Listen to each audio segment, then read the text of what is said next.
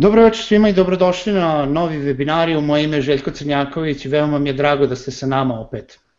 Želim da se zahvalim prijateljima webinarijuma Infostudu grupi korisnih sajtova i Altus Hostu hostingu visokih performansi što nam omogućavaju i pomažu da držimo ove webinare. Večerašnja tema je od izuzetne važnosti za svakoga, nebitno da li ste mladi, stari, da li ste nezaposleni, zaposleni, pogotovo ako ste zaposleni, tema je neformalna edukacija i značaj neformalne edukacije danas, a gost današnjeg webinarijuma je Vladimir Kovač. Vladimire, čao, kako je? Ćao Željko, evo, dobro je, vredno, radno i pre svega hvala ti na pozivu što, što je veoma mi je drago što sam ponovo gost webinarijuma što ću ovaj, se družiti sa tobom i sa tvojim gledacima. E, za početak da kažemo nešto zašto smo mi zvali e, Vladu, ali Vlado, ajde najbolje nam kaži prvo čime se baviš, e, ko je Vladimir Kovač, šta radi u životu i zašto je neformalna edukacija tebi posebno bitna? Pa u suštini ja pretpostavljam da je glavni razlog zašto, zašto si mene zvao jeste e, to što upravo zahvaljujući toj neformalnoj edukaciji sam tu gde sam sada, a ja sam poslednje četiri godine na čelu jedne male marketinčke agencije Creative Media Art, a, a da kažem ono što bi tvojim gledalcima bilo možda prepoznatljivije jeste e, moj projekat e, Webiz koji zajedno da kažem sa timom iz firme realizujemo poslednje četiri godine. Tako da u principu dosta ljudi me zna kao, kao vlada Webiz, znači mi smo tim koji radi Webiz konferenciju u Zrenjaninu i program poslovne edukacije koji se za sada samo u Subotici realizuje sa nekim da kažem sa nekom idejom i planom da raširimo ovaj program po Srbiji. Super. I Webiz kao, kao i konferencija u Zrenjanin i program poslovne edukacije uh, veoma, veoma posećen i, i od izuzetne važnosti i on je jedan od najbrže rastućih konferencija ovaj, u poslednje vreme, barem najzapaženijih u ovoj IT oblasti. Da pomenemo za početak i, i formalnu i neformalnu edukaciju. Vlado, šta ti misliš o, o, o tome šta nama trenutno formalna edukacija pruža i gde je tu problem? E, ja mogu negde da kažem najviše sa svog nekog ličnog aspekta e, da probam da ponudim to neko objašnjenje, jer da, ajde da budem i skroman da nisam, mislim da ima puno e, kvalifikovanih ljudi od mene koji mogu da ponude da kažem neka, neke stručne definicije koja je to problematika, koja odmah da kažem, znači nije na nivou samo naše zemlje, da se prosto samo da ne bih voleo da pričamo o tome kako u Srbiji samo stvari ne, ne valjaju. E, problemi sa formalnim obrazovanjem e, prisutni su e, u velikom, u velikom delu sveta, pre svega, da kažem, zbog proces, ajde da kažem, digitalizacije, da kažem, i veoma, veoma brzog razvoja tog informatičkog društva. Znači, formalna edukacija, odnosno formalno obrazovanje je ono što je u suštini negde zakonom obavezno i ono što svi smatramo kao za, ne, za normalne stvari, što su nas, da kažem, roditelji od malih nogu učili, da kažem, od osnovne škole preko srednje škole do, do fakulteta. To negde spada uh, u pojam formalnog obrazovanja, a neformalno obrazovanje je sve ono što, da kažem, van toga kroz život uh, steknemo što nekom samo edukacijom, da kažem, ukoliko smo radoznali pa se krećemo, da li, internet, da li na internetu, da li, da kažem ovako, fizički, mislim, pazi, samo edukacija može da bude i tako što čovek putuje svetom, poznaje različite, različite kulture, znači ne mora da obuhvata samo iščitavanje gomile knjiga, elektronskih ili klasičnih ili, da kažem, slušanjem određenih kurseva. Ali da se vratim prvo na, na definiciju te, te problematike same. E, suština je e, da ceo sistem obrazovanja, ne samo u Srbiji i, i u svetu, nego da zamišljen je da daje određeni, određeni profil ljudi za određene, za određene poslove. Obzirom da se poslovi, da kažem, konstantno menjaju, tu sam skoro naišao na jednu jako zanimljivu informaciju na internetu, 10 najtraženijih e, zanimanja u 2014. godini, 2010. godine nije ni postojalo u smislu nije postao kao opis ono zanimanja. Znači to može najbolje možda da oslika koliko se stvari brzo brzo odvijaju i koliko su koliko su velike promene. E, sistem obrazovanja koji je zamišljen pre više od 100 godina prosto ne može to da isprati e, i izbacuje na tržište nepripremljene ljude koji uče po nekim, da kažem, zastarelim, zastarelim sistemima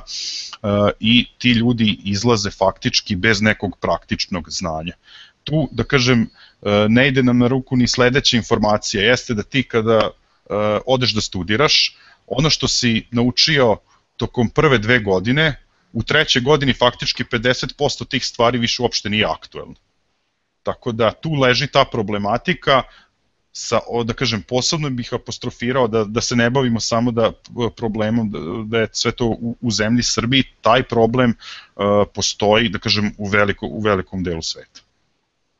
Ja bih tu pomenuo i ti ja smo pričali pre početka ovog webinara i Vladimira Vulića koji je sad nedavno držao ovaj predavanje na TEDx uh, Zemunu uh, Ed uh, TEDx Zemun Ed ovaj, gde on isto tako pričao formalnoj edukaciji da je problem i sistem edukacije koji je napravljen, napravljen primarno da proizvodi ljude koji će raditi na, na nekoj pokretnoj traci.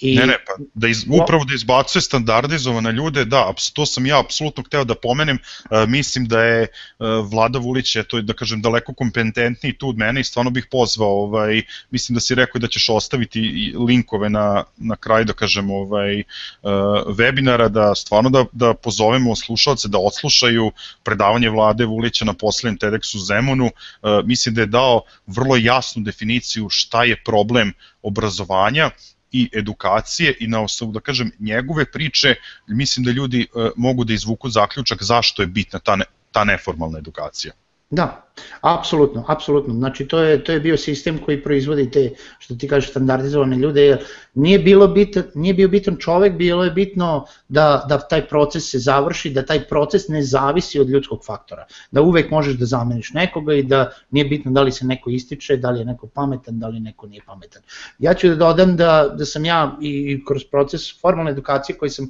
prošao uh, tokom fakulteta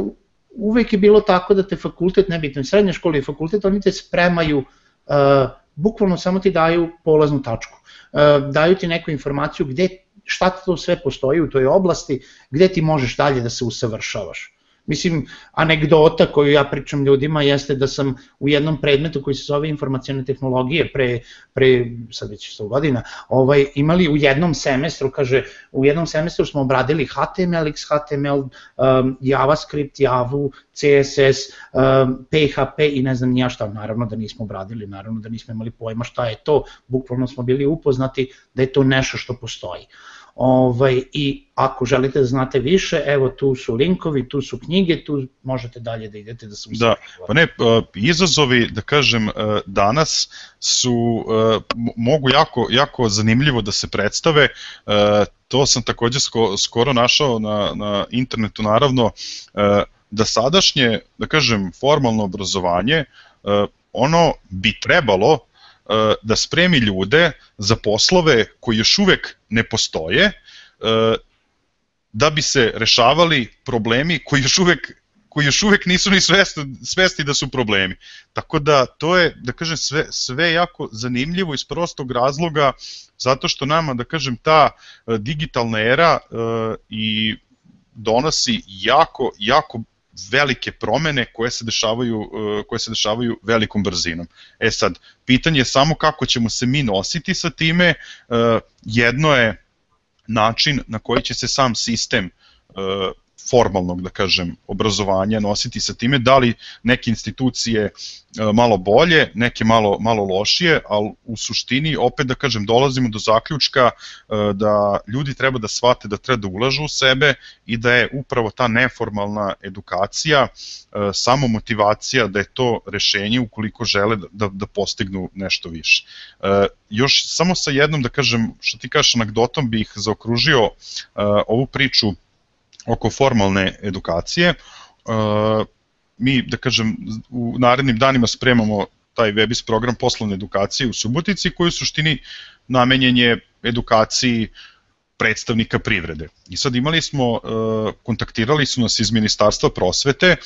sa molbom da im damo jednu besplatnu kotizaciju. I kao razlog zašto traže besplatnu, a ne mogu da plate, jeste prosto da u Ministarstvu prosvete još uvek ne shvataju značaj e,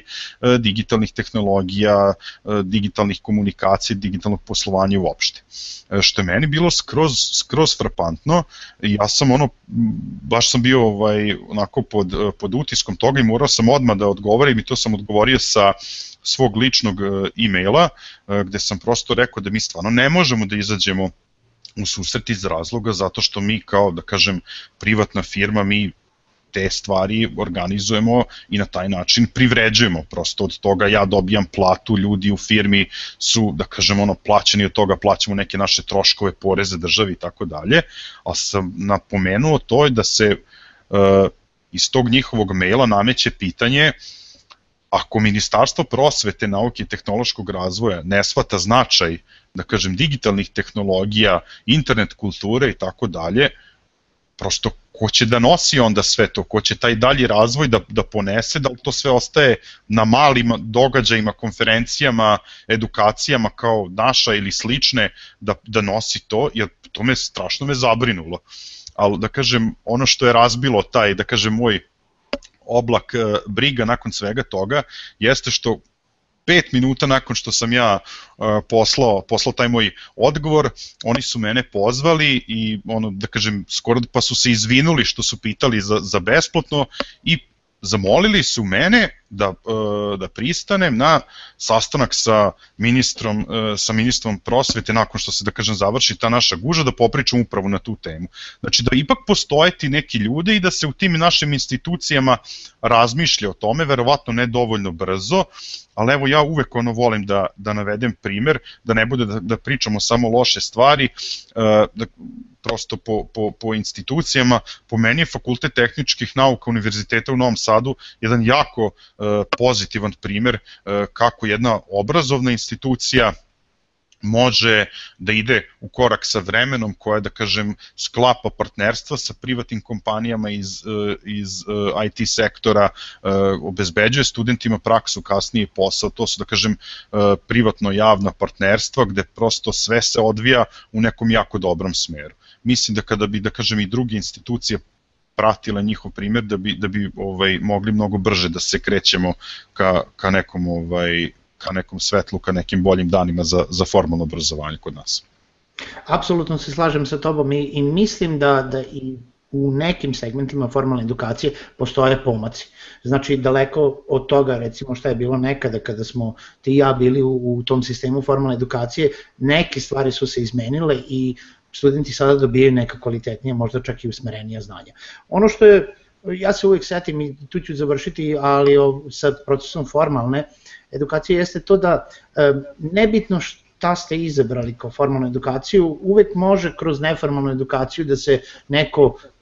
prekvalifikuje pod navodnicima, e, pa čak i, e, ne znam, ako ste završili pravo, pa da i dalje se bavite digitalnim tehnologijama, naravno da je to moguće. Ovaj, ono što je nekad bilo, ja se uvek setim pre jednom 8-10 godina sam gledao RTS je radio bukvalno istraživanje po ulici, išao je, redom i pitao je studente da li biste radili posao van svoje ruke.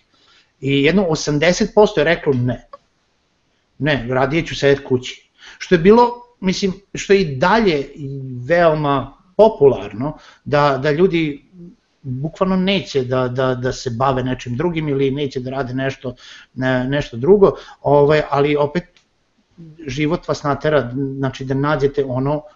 što je najbolje za vas, ono u čemu ste najbolji, možda to nije ono što ste, što ste izabrali uh, formalno, no, ali kroz bilo kakve kurse, kroz samo edukaciju, kroz konferencije,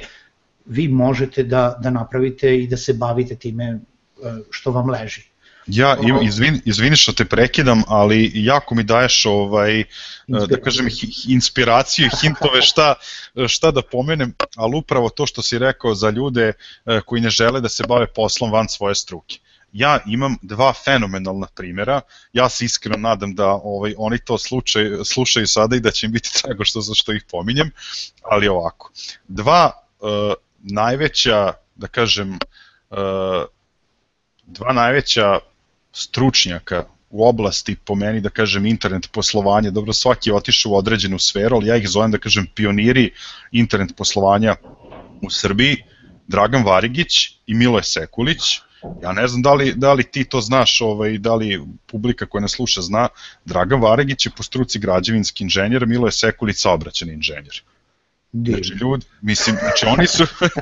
oni su ljudi inženjeri, uh, Miloje Sekulić je, da kažem, ono, prvak u zemlji što se tiče i PR-a i sada suvlasnik jedne od najvećih digitalnih agencija Homepage, dok je Dragan Varagić po meni trenutno najveći stručnjak za, za e-commerce u, u Srbiji. Tako da mislim da su oni savršeni primjeri za to kako se uspešno može baviti nekim poslom koji nema veze sa strukom, tačnije sa završenim tim formalnim obrazovanjem. Apsolutno. Pa da krenemo na, na, na celu priču o neformalnom obrazovanju. Vlado, gde i šta sve podrazumevamo pod neformalnim obrazovanjem, u stvari šta sve podrazumevamo i gde mi to možemo da nađemo? Evo ovako, ja bih samo tu za, na početku razdvojio uh, te pojmove uh, oko neformalnog obrazovanja, ja sam pokušao da kažem i da se što bolje pripremim uh, za večera sam, pa sam pričao i sa raznim ljudima i, i, i sa kolegama. Uh, u principu postoji nešto što se zove samoedukacija, uh,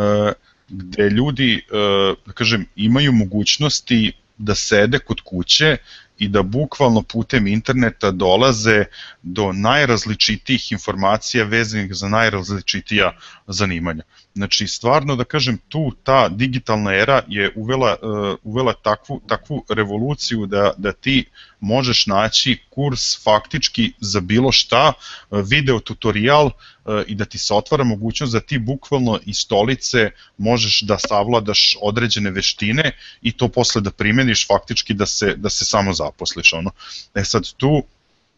možemo navesti, e, tu nam možemo navesti čitav niz tih nekih, e, nekih sajtova i tu bih čak ljudima pomenuo načine do kojih e, načine koji mogu vrlo lako do, doći do njih. Na primjer mislim i prošli put kad sam ovaj pričao pričao kod tebe i to stalno ponavljam ne samo ja ka, kao mantru nego nego mnogi mnogi ljudi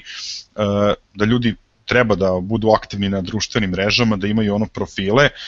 konkretno, društvena mreža LinkedIn e, svoje vremeno je kupila e,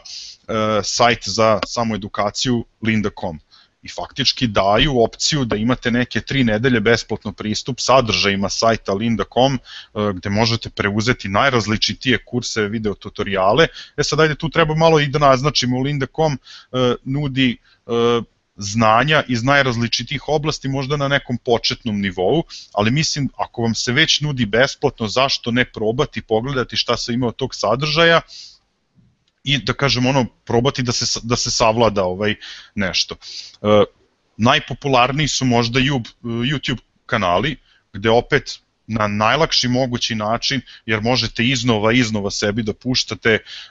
možete vrlo lako savladati bilo šta. Zatim tu su Udemy, Coursera, Treehouse, Code School, to su opet da kažem sve neki uh, sajtovi. Ja se nadam da ćemo moći da ostavimo i linkove ovaj ka ka uh, pa kojim sajtovima gde ljudi mogu stvarno doći do vrlo kvalitetnih kurseva uh, i savladati veštine i kasnije, da kažem to, ili monetizovati ili se negde dalje razvijati. Problem kod, ovo, kod ove vrste uh, da kažem, neformalne edukacije jeste da vi treba sebe dovoljno da motivišete, da sedite satima ili danima, ponegde mesecima, na primjer ako želite da usavršite ili da, da savladate veštine programiranja. Mislim da su tu sigurno potrebni meseci ako želite da budete dobri u tome, a sada nije dovoljno da budete dobri, nego morate da budete najbolji prosto ako želite da, da, da uspete. Znači treba da nađete neku, neku motivaciju da sami sebe naterate da sedite kući ovako sa slušalicama pored monitora, pijete kafu, da gledate, slušate, zapisujete sebi, mislim da je to negde da kažem najveći problem. Internet mislim da je ovaj da ne bi sad trebalo da pričamo o tome da li je dostupno ili jest, sad svi imaju, ovaj, hvala Bogu, eto tu Srbija ne zaostaje, imamo vrlo, vrlo razvijenu infrastrukturu, znači dovoljno je samo da prikopčate računar i ovaj, da sedite, ali dolazimo do problema motivacije. E sada, e, u početku motivaciju možete da nalazite u tome da ono što ste savladali, da kažem na početku, e, uspete na neki način da monetizujete. I upravo je taj novac koji ste zaradili, da kažem, savladavši e, tu neku veštinu, ono što vam daje motivaciju da nastavite dalje. Ali zanim, zanimljivije, ono što dolazi kasnije, je kada ovladate veštinom na nekom malo višem nivou. Vama je u suštini motivacija vam predstavlja to što vi već nalazite tu neko zadovoljstvo i imate da kažem, još veću želju za napredovanjem i usavršavanjem. Znači, potrebno je samo dostići određeni, određeni stepenik kada ste vi već na nekom nivou, kada vam samo bavljanje, da kažem, tom veštinom pričinjeva određeno zadovoljstvo i gura vas da, da idete napred. Ja ću samo tebe tu kratko da prekinem, jer jako puno ljudi kada ulaze u taj proces recimo samo edukacije, jako teško se odlučuje ono tipa šta, šta je pravo za mene. Neko možda ne zna, znači neko ne zna da, da, da, je on, da bi on želeo da radi dizajn ili da bi želeo da radi programiranje. Isto kao kad recimo ljudi ko, ko, kad biraju da li će postati freelanceri, da li ćemo, uh, u čemu ja sada se usavršim, zato da bi mogu da ponudim te neke svoje, uh, ta neka svoje znanja i usluge svetu, na svetskom tržištu. I onda dolazi recimo jedan savet koji, koji često dajemo tim freelance početnicima jeste pogledajte prvo poslove, pogledajte poslove koji se traže, pogledajte uh, znači gde, šta vas zanima, znači pogledajte opis posla, znači šta bi vi to trebalo da uradite, uh, istražite šta to znači i onda danas nije uh, jako, jako popularno ovo što, što svima govorim, internet, to jest usluge ili bavljenje poslovanjem na internetu više nije samo za ere i po time mislim dizajnere, programere i ostale koji se završavaju na ere, vi možete biti nekome sekretarica u Kini ako dobro organizujete stvari. Naravno, opet, Uh, tu su bitni jezik, tu je bitan uh, organizacija, bitno je da znate da uh, vladate recimo nekim internet servisima, da li su to project management software, da li su to Office alati koji će, mislim, koji opet i dalje, jako velika većina ljudi dalje ne zna. Ja ne pričam o ljudima koji znaju one osnove, koji treba da se usavršavaju nečemu dalje, možete da izaberete bilo šta, ali ako nemate ideju, pogledajte poslove, poslovi će vam dati ideju šta se traži, šta je traženo i onda možete da izaberete u kom smeru želite da idete. Naravno, ukoliko imate ljubav prema nečemu, treba da imate, idete prema tomu. Pa sad, mi, pazi, mi se jesmo našli ovaj na, na ovom live chatu nešto pre webinara, ali nismo se baš ovoliko dogovarali i stvarno mi daješ već ovaj jedno treći put ovaj hint e, kako da nastavimo ovaj naš razgovor. E, upravo da kažem način na koji možete da vidite da li se krećete dobrim putem. Znači, od, ok, odlučili ste se da se usavršite, da steknete određenu veštinu, da savladate određenu tehniku i ne znate da li ste na dobrom putu ili da li je to uopšte za vas. Najbolji način da to utvrdite jeste da poseću, prvo, znači, morate, ne, ne možete sve vreme biti zaključani, da kažem, 16 sati kući u mraku pored monitora, uh, da, čitati, slušati, da kažem, kurseve, gledati, znači to je, da kažem, samo jedan deo na koji način počinjete tu svoju samo, samo edukaciju. Jako je važno da se krećete, da se krećete među ljudima koji imaju slična interesovanja i tu se onda automatski e, nameću dešavanja e, poput konferencija i e, dešavanja koje se bave, da kažem, ili edukacijom ili zapošljavanjem ili da kažem ovaj na neki način koje okupljaju ljude sličnih interesovanja vi kada odete na neku, na neku konferenciju uh, imate priliku da steknete jako veliki broj ljudi sličnih interesovanja koji možda razmišljaju na način kao i vi koji su, na, uh, koji su otprilike u istoj poziciji kao i vi. U razgovoru sa njima možete da vidite upravo da li se vi krećete u dobrom pravcu. Znači ne samo kroz ta, da kažem, predavanja na konferencijama, ne, nego upravo, da kažem, sa tom interakcijom sa ljudima od samih predavača do posetilaca koji su najčešće ljudi poput vas. Znači, da kažem, mi stvarno volio bi da demistifikujemo uh, pojam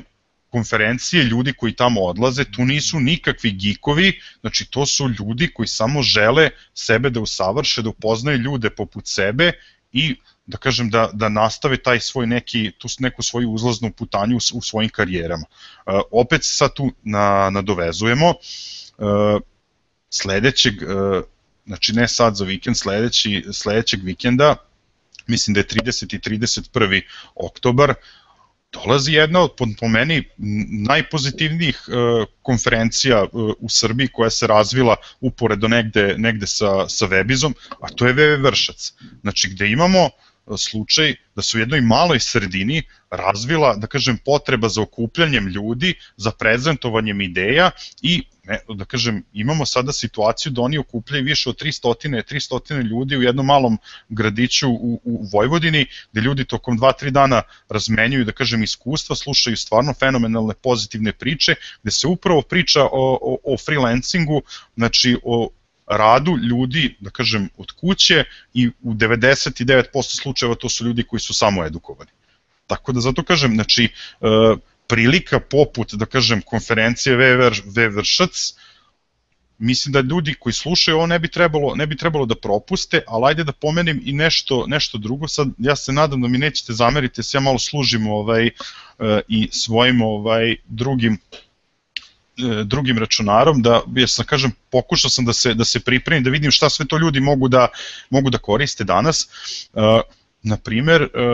upravo tvoji da kažem, sugrađani iz Infostuda e, danas su otvorili veliki, veliki sajam zapošljavanja, znači dani karijere i znanja 2015. Znači tu ljudi faktički mogu preko interneta da stupe, da stupe u kontakt sa velikim kompanijama, e, da ih kontaktiraju, da vide koje su to potrebe velikih kompanija, šta to one traže, a pored toga opet u okviru, e,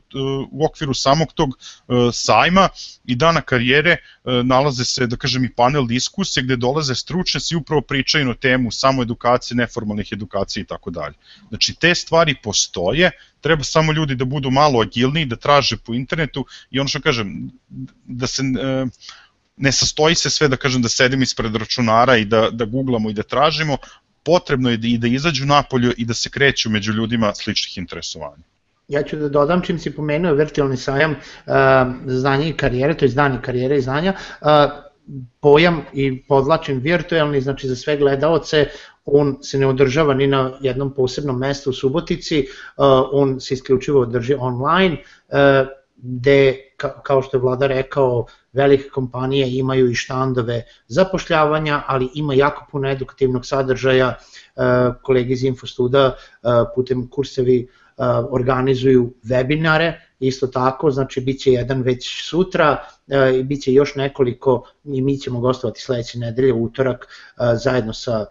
Ivanom Bildijem da pričamo o značaju audio i video sadržaja danas na internetu, tako da jako puno korisnih stvari koje se mogu naučiti. www Vršac, apsolutno fantastična konferencija, njihov moto je živi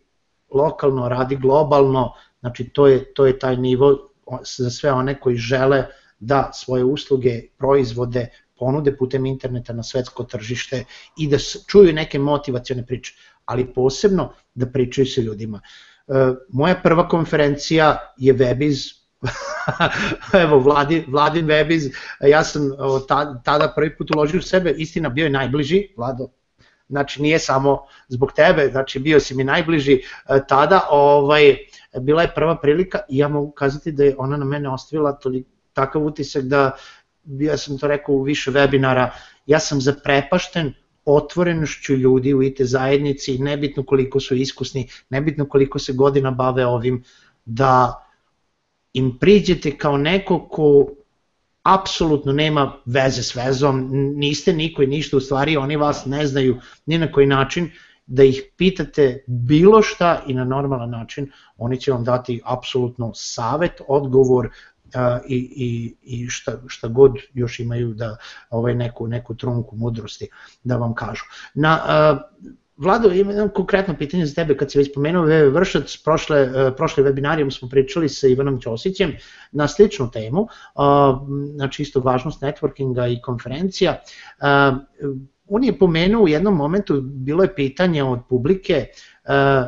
kako je najbolje krenuti sa freelansom, pa tu je i taj proces neformalne edukacije, pogotovo za ljude koji počinju, ne počinju, I on je rekao nešto što još do sad niko nije rekao na, na ranijim freelance webinarima, uh, je rekao nađite mentora. I onda su ljudi rekli kako da nađe mentora i tako. Šta ti misliš o tome koliko je bitno naći mentora i kako uopšte treba pristupiti tom procesu traženja mentora? Uh, u neformalnoj edukaciji naravno. Pa evo, opet da kažem, vrlo, vrlo lako i vrlo, mislim, ovaj, lepo ću se nadovezati uh, na tebe. U poslednje vreme sam čuo, da kažem, par priča ovaj, na tu temu, ali mislim da je suština uh, vrlo jednostavna. E sad, problem nastaje u tome što današnji, današnja omladina uh, nije, da kažem, toliko posvećena i nije, da kažem, spremna da se potrudi. Kako naći mentora? Tako što ćete biti uporni i ništa više. E, mi smo slušali, mislim da je to bilo pre dve godine, sjajnog srđana, srđana Ercega, koji je pričao na sobstvenom primjeru kako je bio kako je bio uporan kod, e, kod PR-a najpoznatijeg motocikliste Valentina Rossi i dobio intervju, e, dobio intervju sa njim, a nedavno smo, ajde da kažem da se prebacimo možda malo nešto bliže ljudima IT, IT sceni, čitali smo tekst o Marku Mudriniću, znači dečaku, mislim dečaku, momči sad, sad će da se naljuti ovaj, na mene, ovaj, ali toliko je, toliko je oslabio ovaj, da je sad više izgleda kao, kao dečak nego kao, kao momak, ali prosto to je momak 91. godište koji je ispričao o tome da čim je došao na studije, da je želeo prosto praksu i ono da je poslao nebrojeno puno mailova uh, preko Twittera i tako dalje, uh, pokušavao je jako dugo vremena da, da, da dobije praksu na regionalnom portalu Netokracija i vremenom je, da kažem, uspeo. Ne da je uspeo, nego je Marko danas i zvanično najbolji IT, IT novinar u Srbiji. Mislim sa da kažem veoma ovaj sa veoma jakom sa veoma jakom biografijom. Znači suština je samo da ste uporni. Znači kako do mentora. Mi smo uh, pro, ove godine na Webizu slušali smo jednog zrenjaninca koji radi u Microsoft Development centru uh, u, u Beogradu, Miroslav Grbića, koji sam, da kažem, se trudi da nalazi mlade ljude u Zrenjaninu i da ih, da ih mentoriše, on dečko postavlja samo jedan jedini uslov. Znaš koji mu je uslov? Uslov mu je da taj koga on mentoriše u nekom narednom periodu kada dovoljno napreduje i sam nađe sebi nekog, nekoga koga će da, uh, ko će da mu koga će da uči, da kažem, na neku sledeću generaciju. Mislim, uh, ti slučajevi postoje, znači to se, to se može uraditi, ali mislim samo da je problem uh, u nedovoljnoj motivaciji mladih da budu malo više uporni i, i posvećeni. E, ja bi uh, se nadovezao sad na tebe i uh, on, on primer Marka što si rekao, um, veoma bitno u procesu traženja mentora jeste to kako pristupate tome. Uh, da li vi pristupate tako da ćete nek, da ćete nekoga toliko puta povući za rukav, e, da mu kažete pomozi mi, pomozi mi, pomozi mi, daj mi nešto u tom smislu, ili ćete pristupiti sa time kako mogu ja tebi da pomognem. Jer to je ono što je generalno ljudima potrebno. E, mislim, svakom ko je uspešan na nekom poslu, to je Ivan rekao na prošlom webinarijumu, je potreba neko ko će raditi neke pod navodnicima fizikalisanje, ovaj, neke sitne poslove, ali pristup je bitan. E, kako vi možete da pomognete nekome i onda ćete kroz taj period pomaganja vi dobiti neko znanje, iskustvo, savete i tako dalje. Niko vama neće dati rešenje, a to je ono što jako puno ljudi, pogotovo mladih, očekuje. Evo ja sam tu, vi mene zaposlite. Nije to poenta. A, tako da... Ne, po, da, ajde samo tu, samo tu da kažem da zaokružim ti tu rečenicu, nije u tome poenta, uh, suština svakog poslodavca danas, znači njegovog razmišljanja, jeste kako novo zaposleni može njemu da pomogne da poveća obim poslovanja, da kažem da poveća prihode, poveća dobit i tako dalje. Znači tako, time se vodi isključivo poslodavci. Znači nema više ovaj uh, po, po, po burazerskim linijama, naravno ima da kažem opet u, u, u možda ne znam, javnom sektoru i tako dalje, ali sada ne zalazim u to, ali slažem se da jeste, jeste u pristupu, da ljudi ne bi trebalo da idu sa tim pristupom daj mi, slažem se da, da treba da se ide na to šta ja tebi mogu da, da pomognem, ali mislim da više, da više treba da stave do znanja da su voljni da uče i da rade da, da, da ne stavljaju odmah, da kažem, da, da naglasak na to sad hoću odmah ne znam kakvu platu, ne znam kakve pare, ne znam kakve benefite. To sve dolazi, to sve dolazi vremenom uh, i mislim ako, ako si dovoljno posvećen da rezultat ne može da izostane. Ja sam u to ubeđen, ja sam se to uverio na, na svom nekom ličnom primeru i dan danas se, se vodim time i pokušam to, to mladima da, da prenesem. Znači samo da budu uporni, uh, da moraju da shvate da, da moraju na početku nešto sami da daju, da budu posvećeni, a rezultat neće izostati, to je sigurno.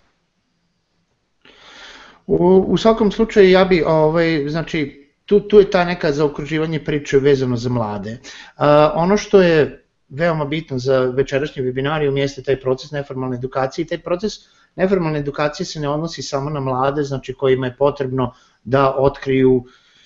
kako oni uopšte da nauče nešto, pa da se počnu baviti nečim.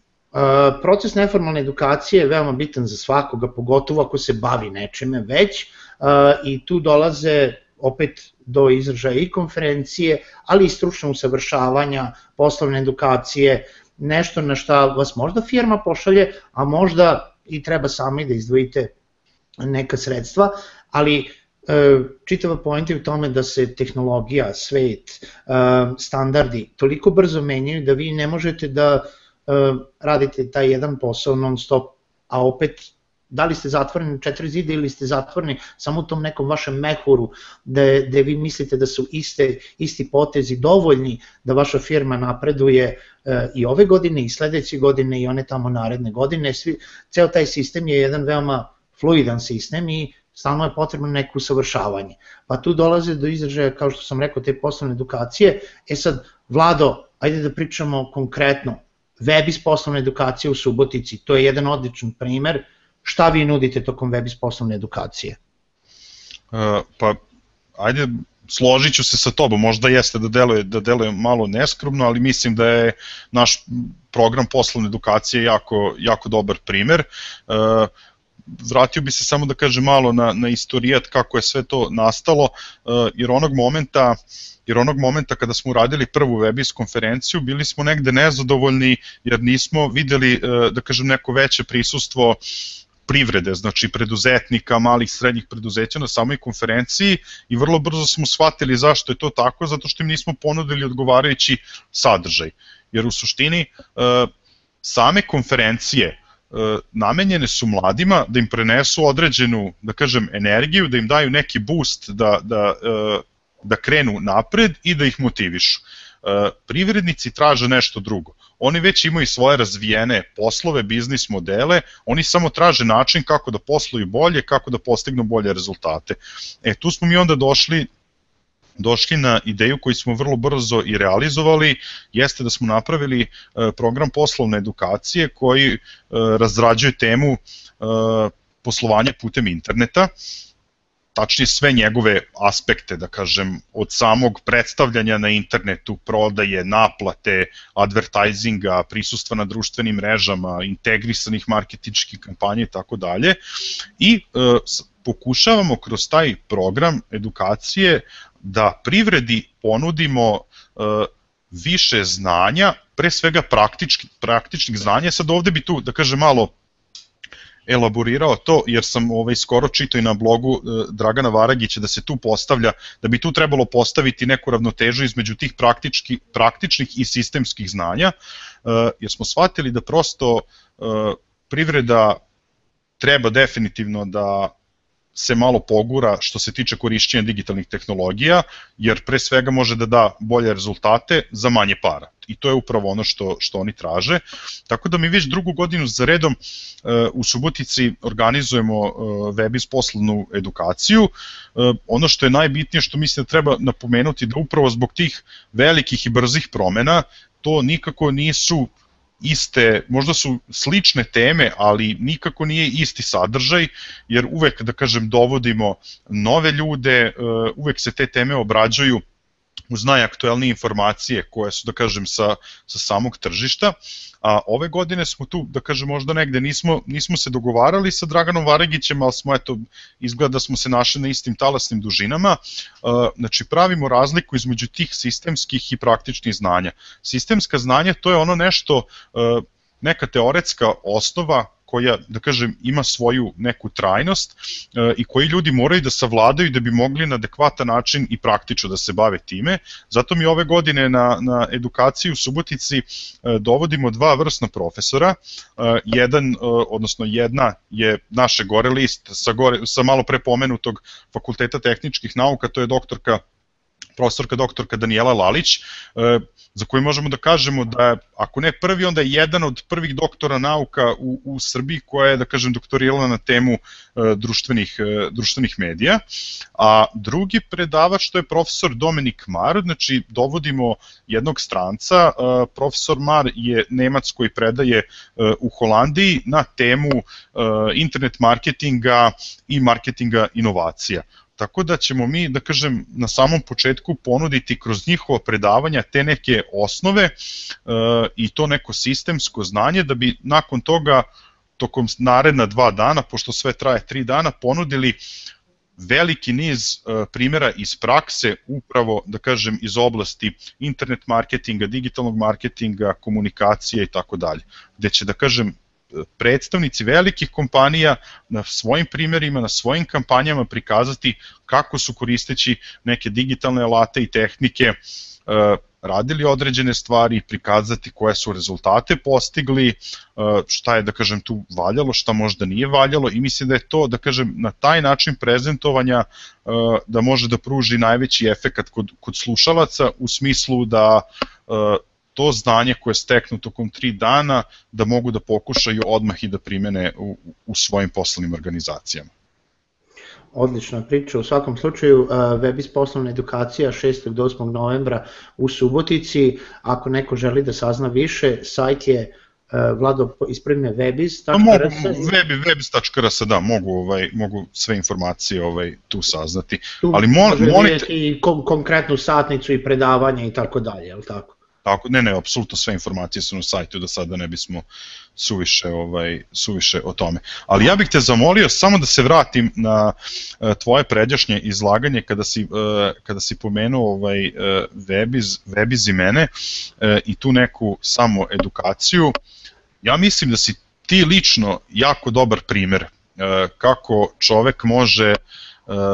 da napreduje samo edukacijom, uh, upornošću i pre svega da kažem nekom pozitivnom energijom. Pre svega hvala ti na lepim rečima za Webis konferenciju, ovaj, jako nam je drago što se eto, mi sa tobom družimo već tri godine svak, svakog marta u Zrenjaninu, uh, ali evo da podelimo i sa, sa, sa drugim slušalcima, uh, ti dolaziš kod nas kao, da kažem, posetilac tri godine za redom od prve, od prve konferencije, jedan si da kažem od vernijih posetilaca. Ali si ti da kažem upravo tom nekom samoedukacijom, svojim radom protekle tri godine, e, da kažem, stekao si to neko pravo i da kažem, mogućnost da naredne godine budeš jedan od predavača. Znači, to mislim da je jako dobar primer kako neko može e, kroz vreme da napreduje i sad ne sad neće ti biti predavač zato što smo se mi e, vremenom upoznali, smo drugari, pijemo kafu, zajedno pričamo na webinarijemu, nego upravo zato što radiš neke jako dobre stvari, mislim da možeš mladim ljudima da preneseš e, mnogo toga bitnog, zanimljivog i ako ništa drugo, znači da, da motivišeš i da daš jednu, da daš deo svoje, da kažem, energije kojem stvarno ono, ovaj, zračiš sve ovo vreme. Hvala lepo na lepim rečima Vlado, evo mi se kroz webinarijum trudimo da nešto malo na neki način vratimo zajednici, mislim sve, sve ovo je um, dosta pita me, imali smo pre, pre nekoliko nedelja webinar, naš gost Miroslav Varga i kaže, pre webinara pričamo, dogovaramo se i kaže, Željko, ovo je super, nego nisam video koji vam je proces monetizacije,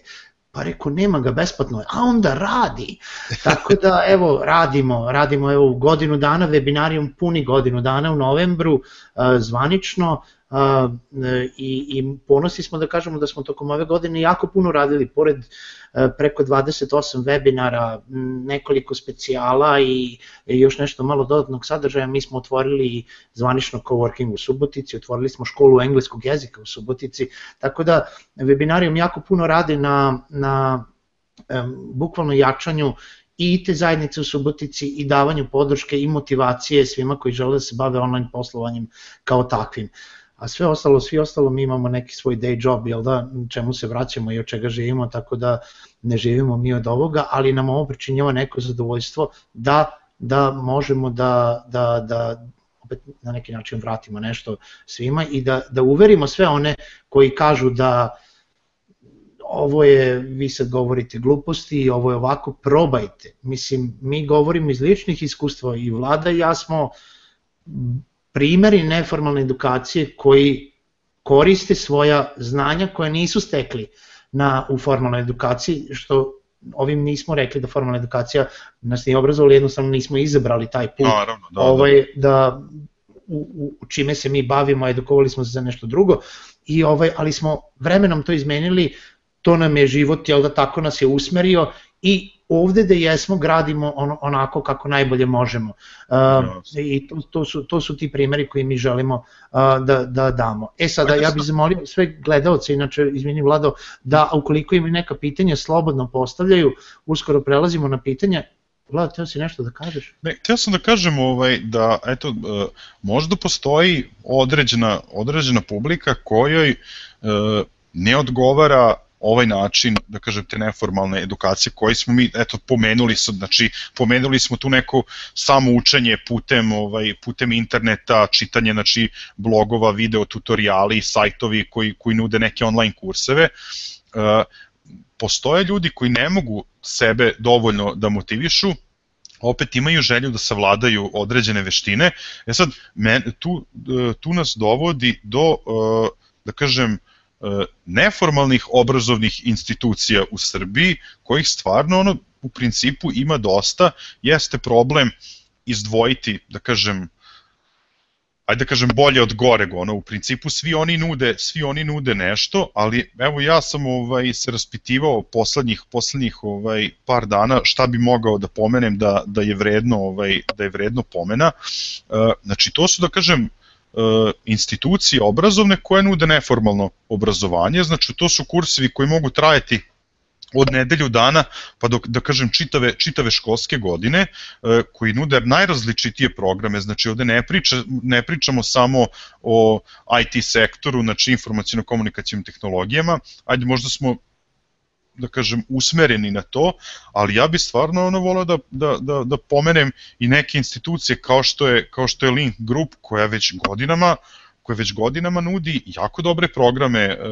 da kažem neformalne neformalne edukacije. E, on čak nude da kažem i srednjoškolsko obrazovanje e, visokoškolsko obrazovanje, opet linkove, imaju čak i kurseve koji idu isključivo preko interneta, znači oni su vrlo jedna ozbiljna kuća u Srbiji koja se bavi tim neformalnim e, obrazovanjem. Zatim mi smo na, na, na Webizu imali sradnju sa, sa institutom e, iz Beograda koji da kažem ima izuzetno atraktivne, atraktivne e, kurseve koji su da kažem e, apsolutno u, u, u trendu i negde ovaj u, u skladu sa ne znam, najpoznatijim svetskim, da kažem, tim edukativnim programima. Eto, to su možda neke dve institucije koje bi izdvojio, znači Sa Institut i, i, i Link Group. E, opet je ono što dobro što se takođe e, javlja, a to jeste da velike kompanije e, počinju da, da organizuju svoje obrazovne institucije, e,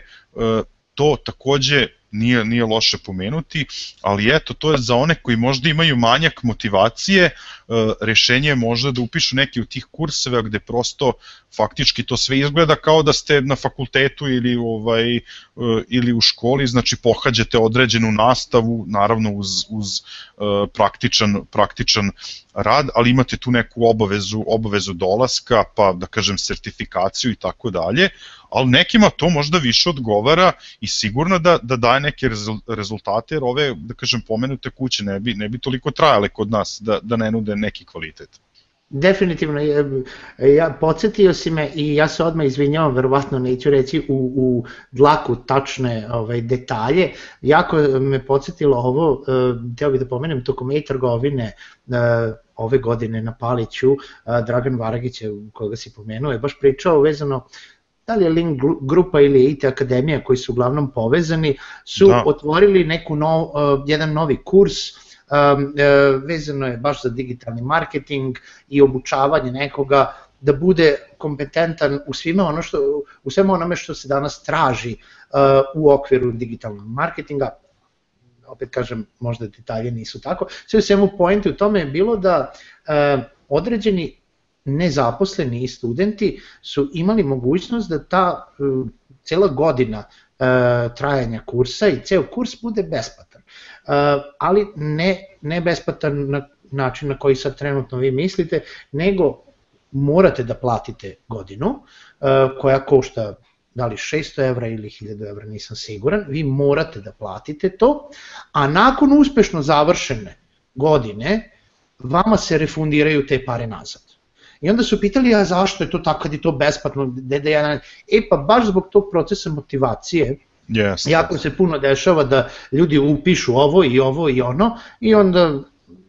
ne, ne odu na predavanje, ne trude se, nemaju motivaciju. E sad kad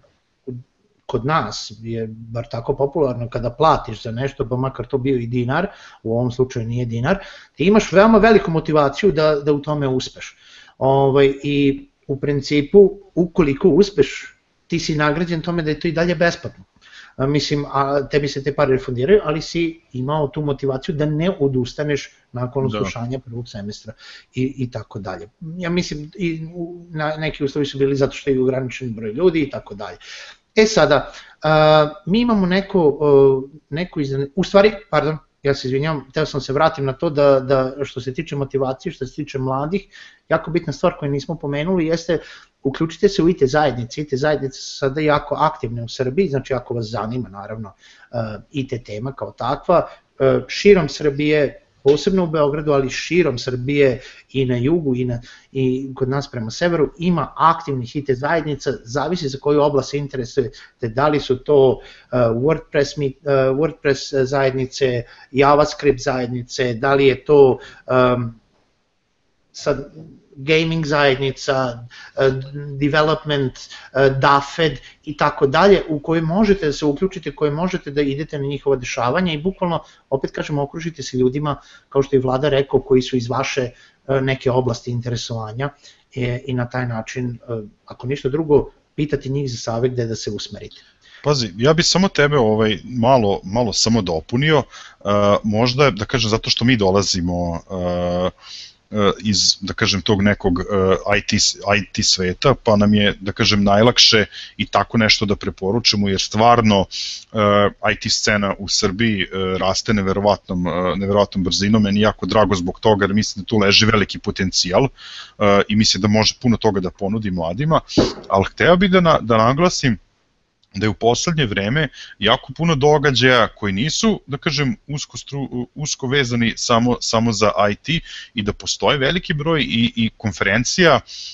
i konferencije koje su, da kažem, usmerene na neke druge stvari, opet, da kažem, da su okrenute naravno ovaj, digitalnom, digitalnom svetu, ali da se bave nekim drugim stvarima, da se bave mladima, kao što je, ne znam, Teen Talk, pa zatim imate Food Talk, znači konferencije koje se bave hranom. Ja mislim da konkretno iza njih stoji, stoji Color, Color Press grupa i to mi je opet jako dobar primer gde jedna velika kompanija koja se bavi izdavaštvom se okreće tako nekim stvarima, znači da se bavi uh, nekim društvenim temama, a opet, da kažem, u svetu digitalnog, jer su i oni shvatili da je, da, da je tu negde ono budućnost. Tako da uh, konferencije, događanja, okupljanja nisu nužno vezana za IT scenu, ukoliko, da kažem, ste dovoljno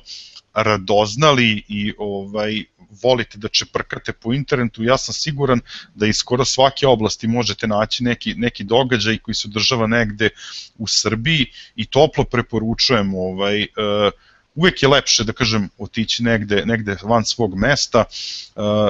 upoznaćete neke, neke nove ljude, razmeniti neke nove ideje, a i vama će prijeti, da kažem, promena sredine, jer koliko god da kažem da smo negde, uslovno rečeno, mala, mala zemlja, vidite da kažem kakve su razlike kad odete iz, ne znam, Beograda u Suboticu ili iz Renjanina u Novi Sad, razlike postoje i uvek je dobro upoznati nove ljude koji imaju, možda imaju, da kažem, neke drugačije poglede na svet. Apsolutno se slažem sa tobom i sad pre nego što pređemo da vidimo uopšte da li ima pitanja. Ovaj, Vlado, mi imamo, jel tako, jednu objavu za sve naše gledaoce e, ili one koje e, prijatelje gledaoce, jel da? Znači, za sve naše gledaoce e, vezano za web i poslovnu edukaciju. Pa, jes, ajde, mi stvarno ovaj, e, trudimo se svaki put da obradujemo ili nekome da, da možda olakšamo ili da ne kažem motivišemo ljude da, da koriste naše programe edukacije. E, ukoliko među slušalcima e, koji, gledalcima koji su nas e, pratili večeras ima zainteresovanih za Webis program poslovne edukacije u, u, u Subotici u hotelu Galerije od 6. do 8. novembra, mi možemo da im ponudimo 25% popusta na samu kotizaciju ukoliko se prijave večeras, e, večeras do ponoći e, ili pošalju mail na info.webis.rs i stave samo u subject e, webinarium. Tako da, znači, samo za one koji se eto do, do ponoći prijave mogu da računaju na 25% popusta na, na kotizaciju. Odlično, znači ponavljamo još jednom, Webis, program poslovne edukacije, možete ga naći na webis.rs, tamo se možete i prijaviti, večeras do ponoći, koga god zanima, znači ako znate nekog koga zanima, večeras do ponoći u napomenu samo neka upiše webinarium da. a, i dobit će 25% popusta na celokupan celokupnu ovaj, cenu kotizacije za trodnevni program edukacije. U redu, ajmo polako da vidimo da, da li ima pitanja, e, koliko za sada vidim ima samo jedno, ali e, čak i vodi se neka diskusija, e, ali i ti evo da kažeš šta ti misliš o tome. Kaže, kako neformalno obrazovanje može da pomogne za napredak u državnoj firmi i sertifikati neformalnog obrazovanja nisu baš našli svoje mesto u javnom sektoru? Uh, pa, dobro, mislim, moramo priznati da je javni sektor kod nas, e, da kažem, posebna tema, ali ja sam našao nešto vrlo zanimljivo pre početka e, ovog webinarijuma, evo super što ćemo sad to na kraju e, da podelimo. Nije suština u papiru koji ćete vi dobiti, dobiti nakon oslušanog, da kažem, nekog kursa, edukacije ili, tako, ili nešto slično. Suština je da vi možete odmah da pokažete veštine kojima ste, kojima ste ovladali. E, nedavno je u medijima e, prošla vest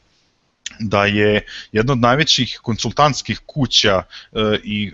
da kažem jedna od najvećih firmi u Engleskoj odnosno Velikoj Britaniji koja da kažem, ima najveći procent zapošljavanja ljudi sa visokim obrazovanjem, to je konsultantska kuća Ernst Young. Ona je prestala da traži kao zahtev, da kažem, neko, neko formalno obrazovanje u smislu dobrih ocena na, na koleđu ili uopšte završetka ono koleđa. Jer su shvatili da tako nešto e, apsolutno nije nije pokazatelj da će se neko pokazati dobro, dobro u poslu. E, neko vreme pre toga isto e, takođe ogromna konsultantska svetska kuća e,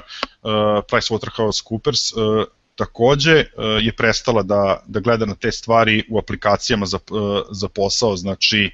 uspeh, na, uspeh prilikom školovanja kao i da kažem stepen diplome, sad da li je neko završio college, master ili tako dalje, jer su shvatili da prosto te neke lične veštine koje ima ljudi ovladaju tokom e, tokom svoje karijere su mnogo bitniji, bitniji pokazatelji. E sad, u samoj državnoj službi ja da budem iskren, mi stvarno imamo veliki, veliki broj slušalaca na, našoj, e, na našem programu edukacije koji dolaze iznova i iznova. Mi izdajemo sertifikat, ali nismo da kažem neko sertifikacijono telo, nego prosto firma smo koja se bavi marketingom, pa prosto izdajemo samo sertifikat da neko odsluša ovaj, ali mislim da upravo to što neko nakon odslušnog programa može odmah da primeni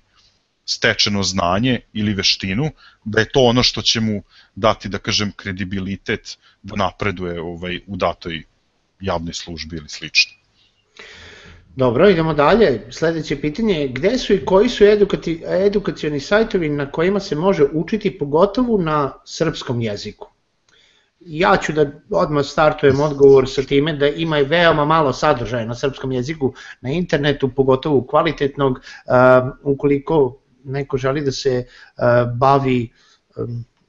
kako da kažem, istraživanjem bilo koje oblasti na internetu, uglavnom je potrebno da zna engleski, pogotovo ako mislite i da ponudite vaše usluge na svetskom tržištu. Jeste, ali ja opet bi tu, mislim ja stvarno sam za to da se pominju dobri primeri, uh,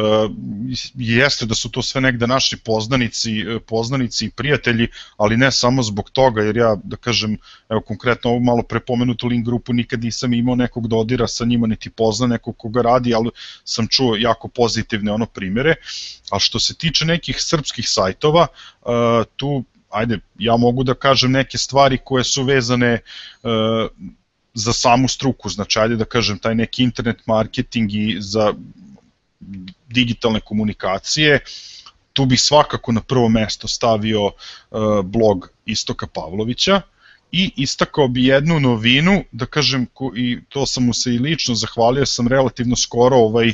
lično i uživo upoznao, uh, upoznao Ivana Bildija, koji je, uh, da kažem, kod nas uveo pojam uh, podcasta i da kažem nekog, neke video edukacije putem kratkih video priloga koje gde koriste, kažem, software Periscope i tako dalje, e to je na srpskom jeziku, mislim da ovaj, eto na blogu Istoka Pavlovića mogu da se pročitaju neverovatno zanimljive stvari, dok eto od Ivana možete, njega možete i čuti i videti na internetu na srpskom i na, naučiti neke, neke vrlo, vrlo ovaj,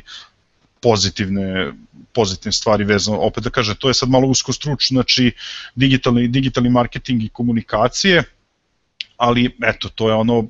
naš neki, naš neki doprinos, ali slažem se sa tobom da je sadržaj na srpskom e, prilično malo, ali ne sme to nikako da bude nekome demotivacija, jer danas se engleski smatra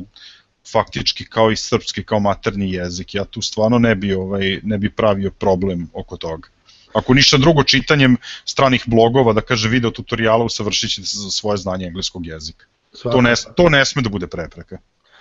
Koliko je prisutna IT edukacija za razne profile struka koji se ne bave IT sektorom, ali je poželjno da se bude prisutan na internetu? Pa mislim, apsolutno jeste razvijeno. Ovaj, sad ajde da kažem,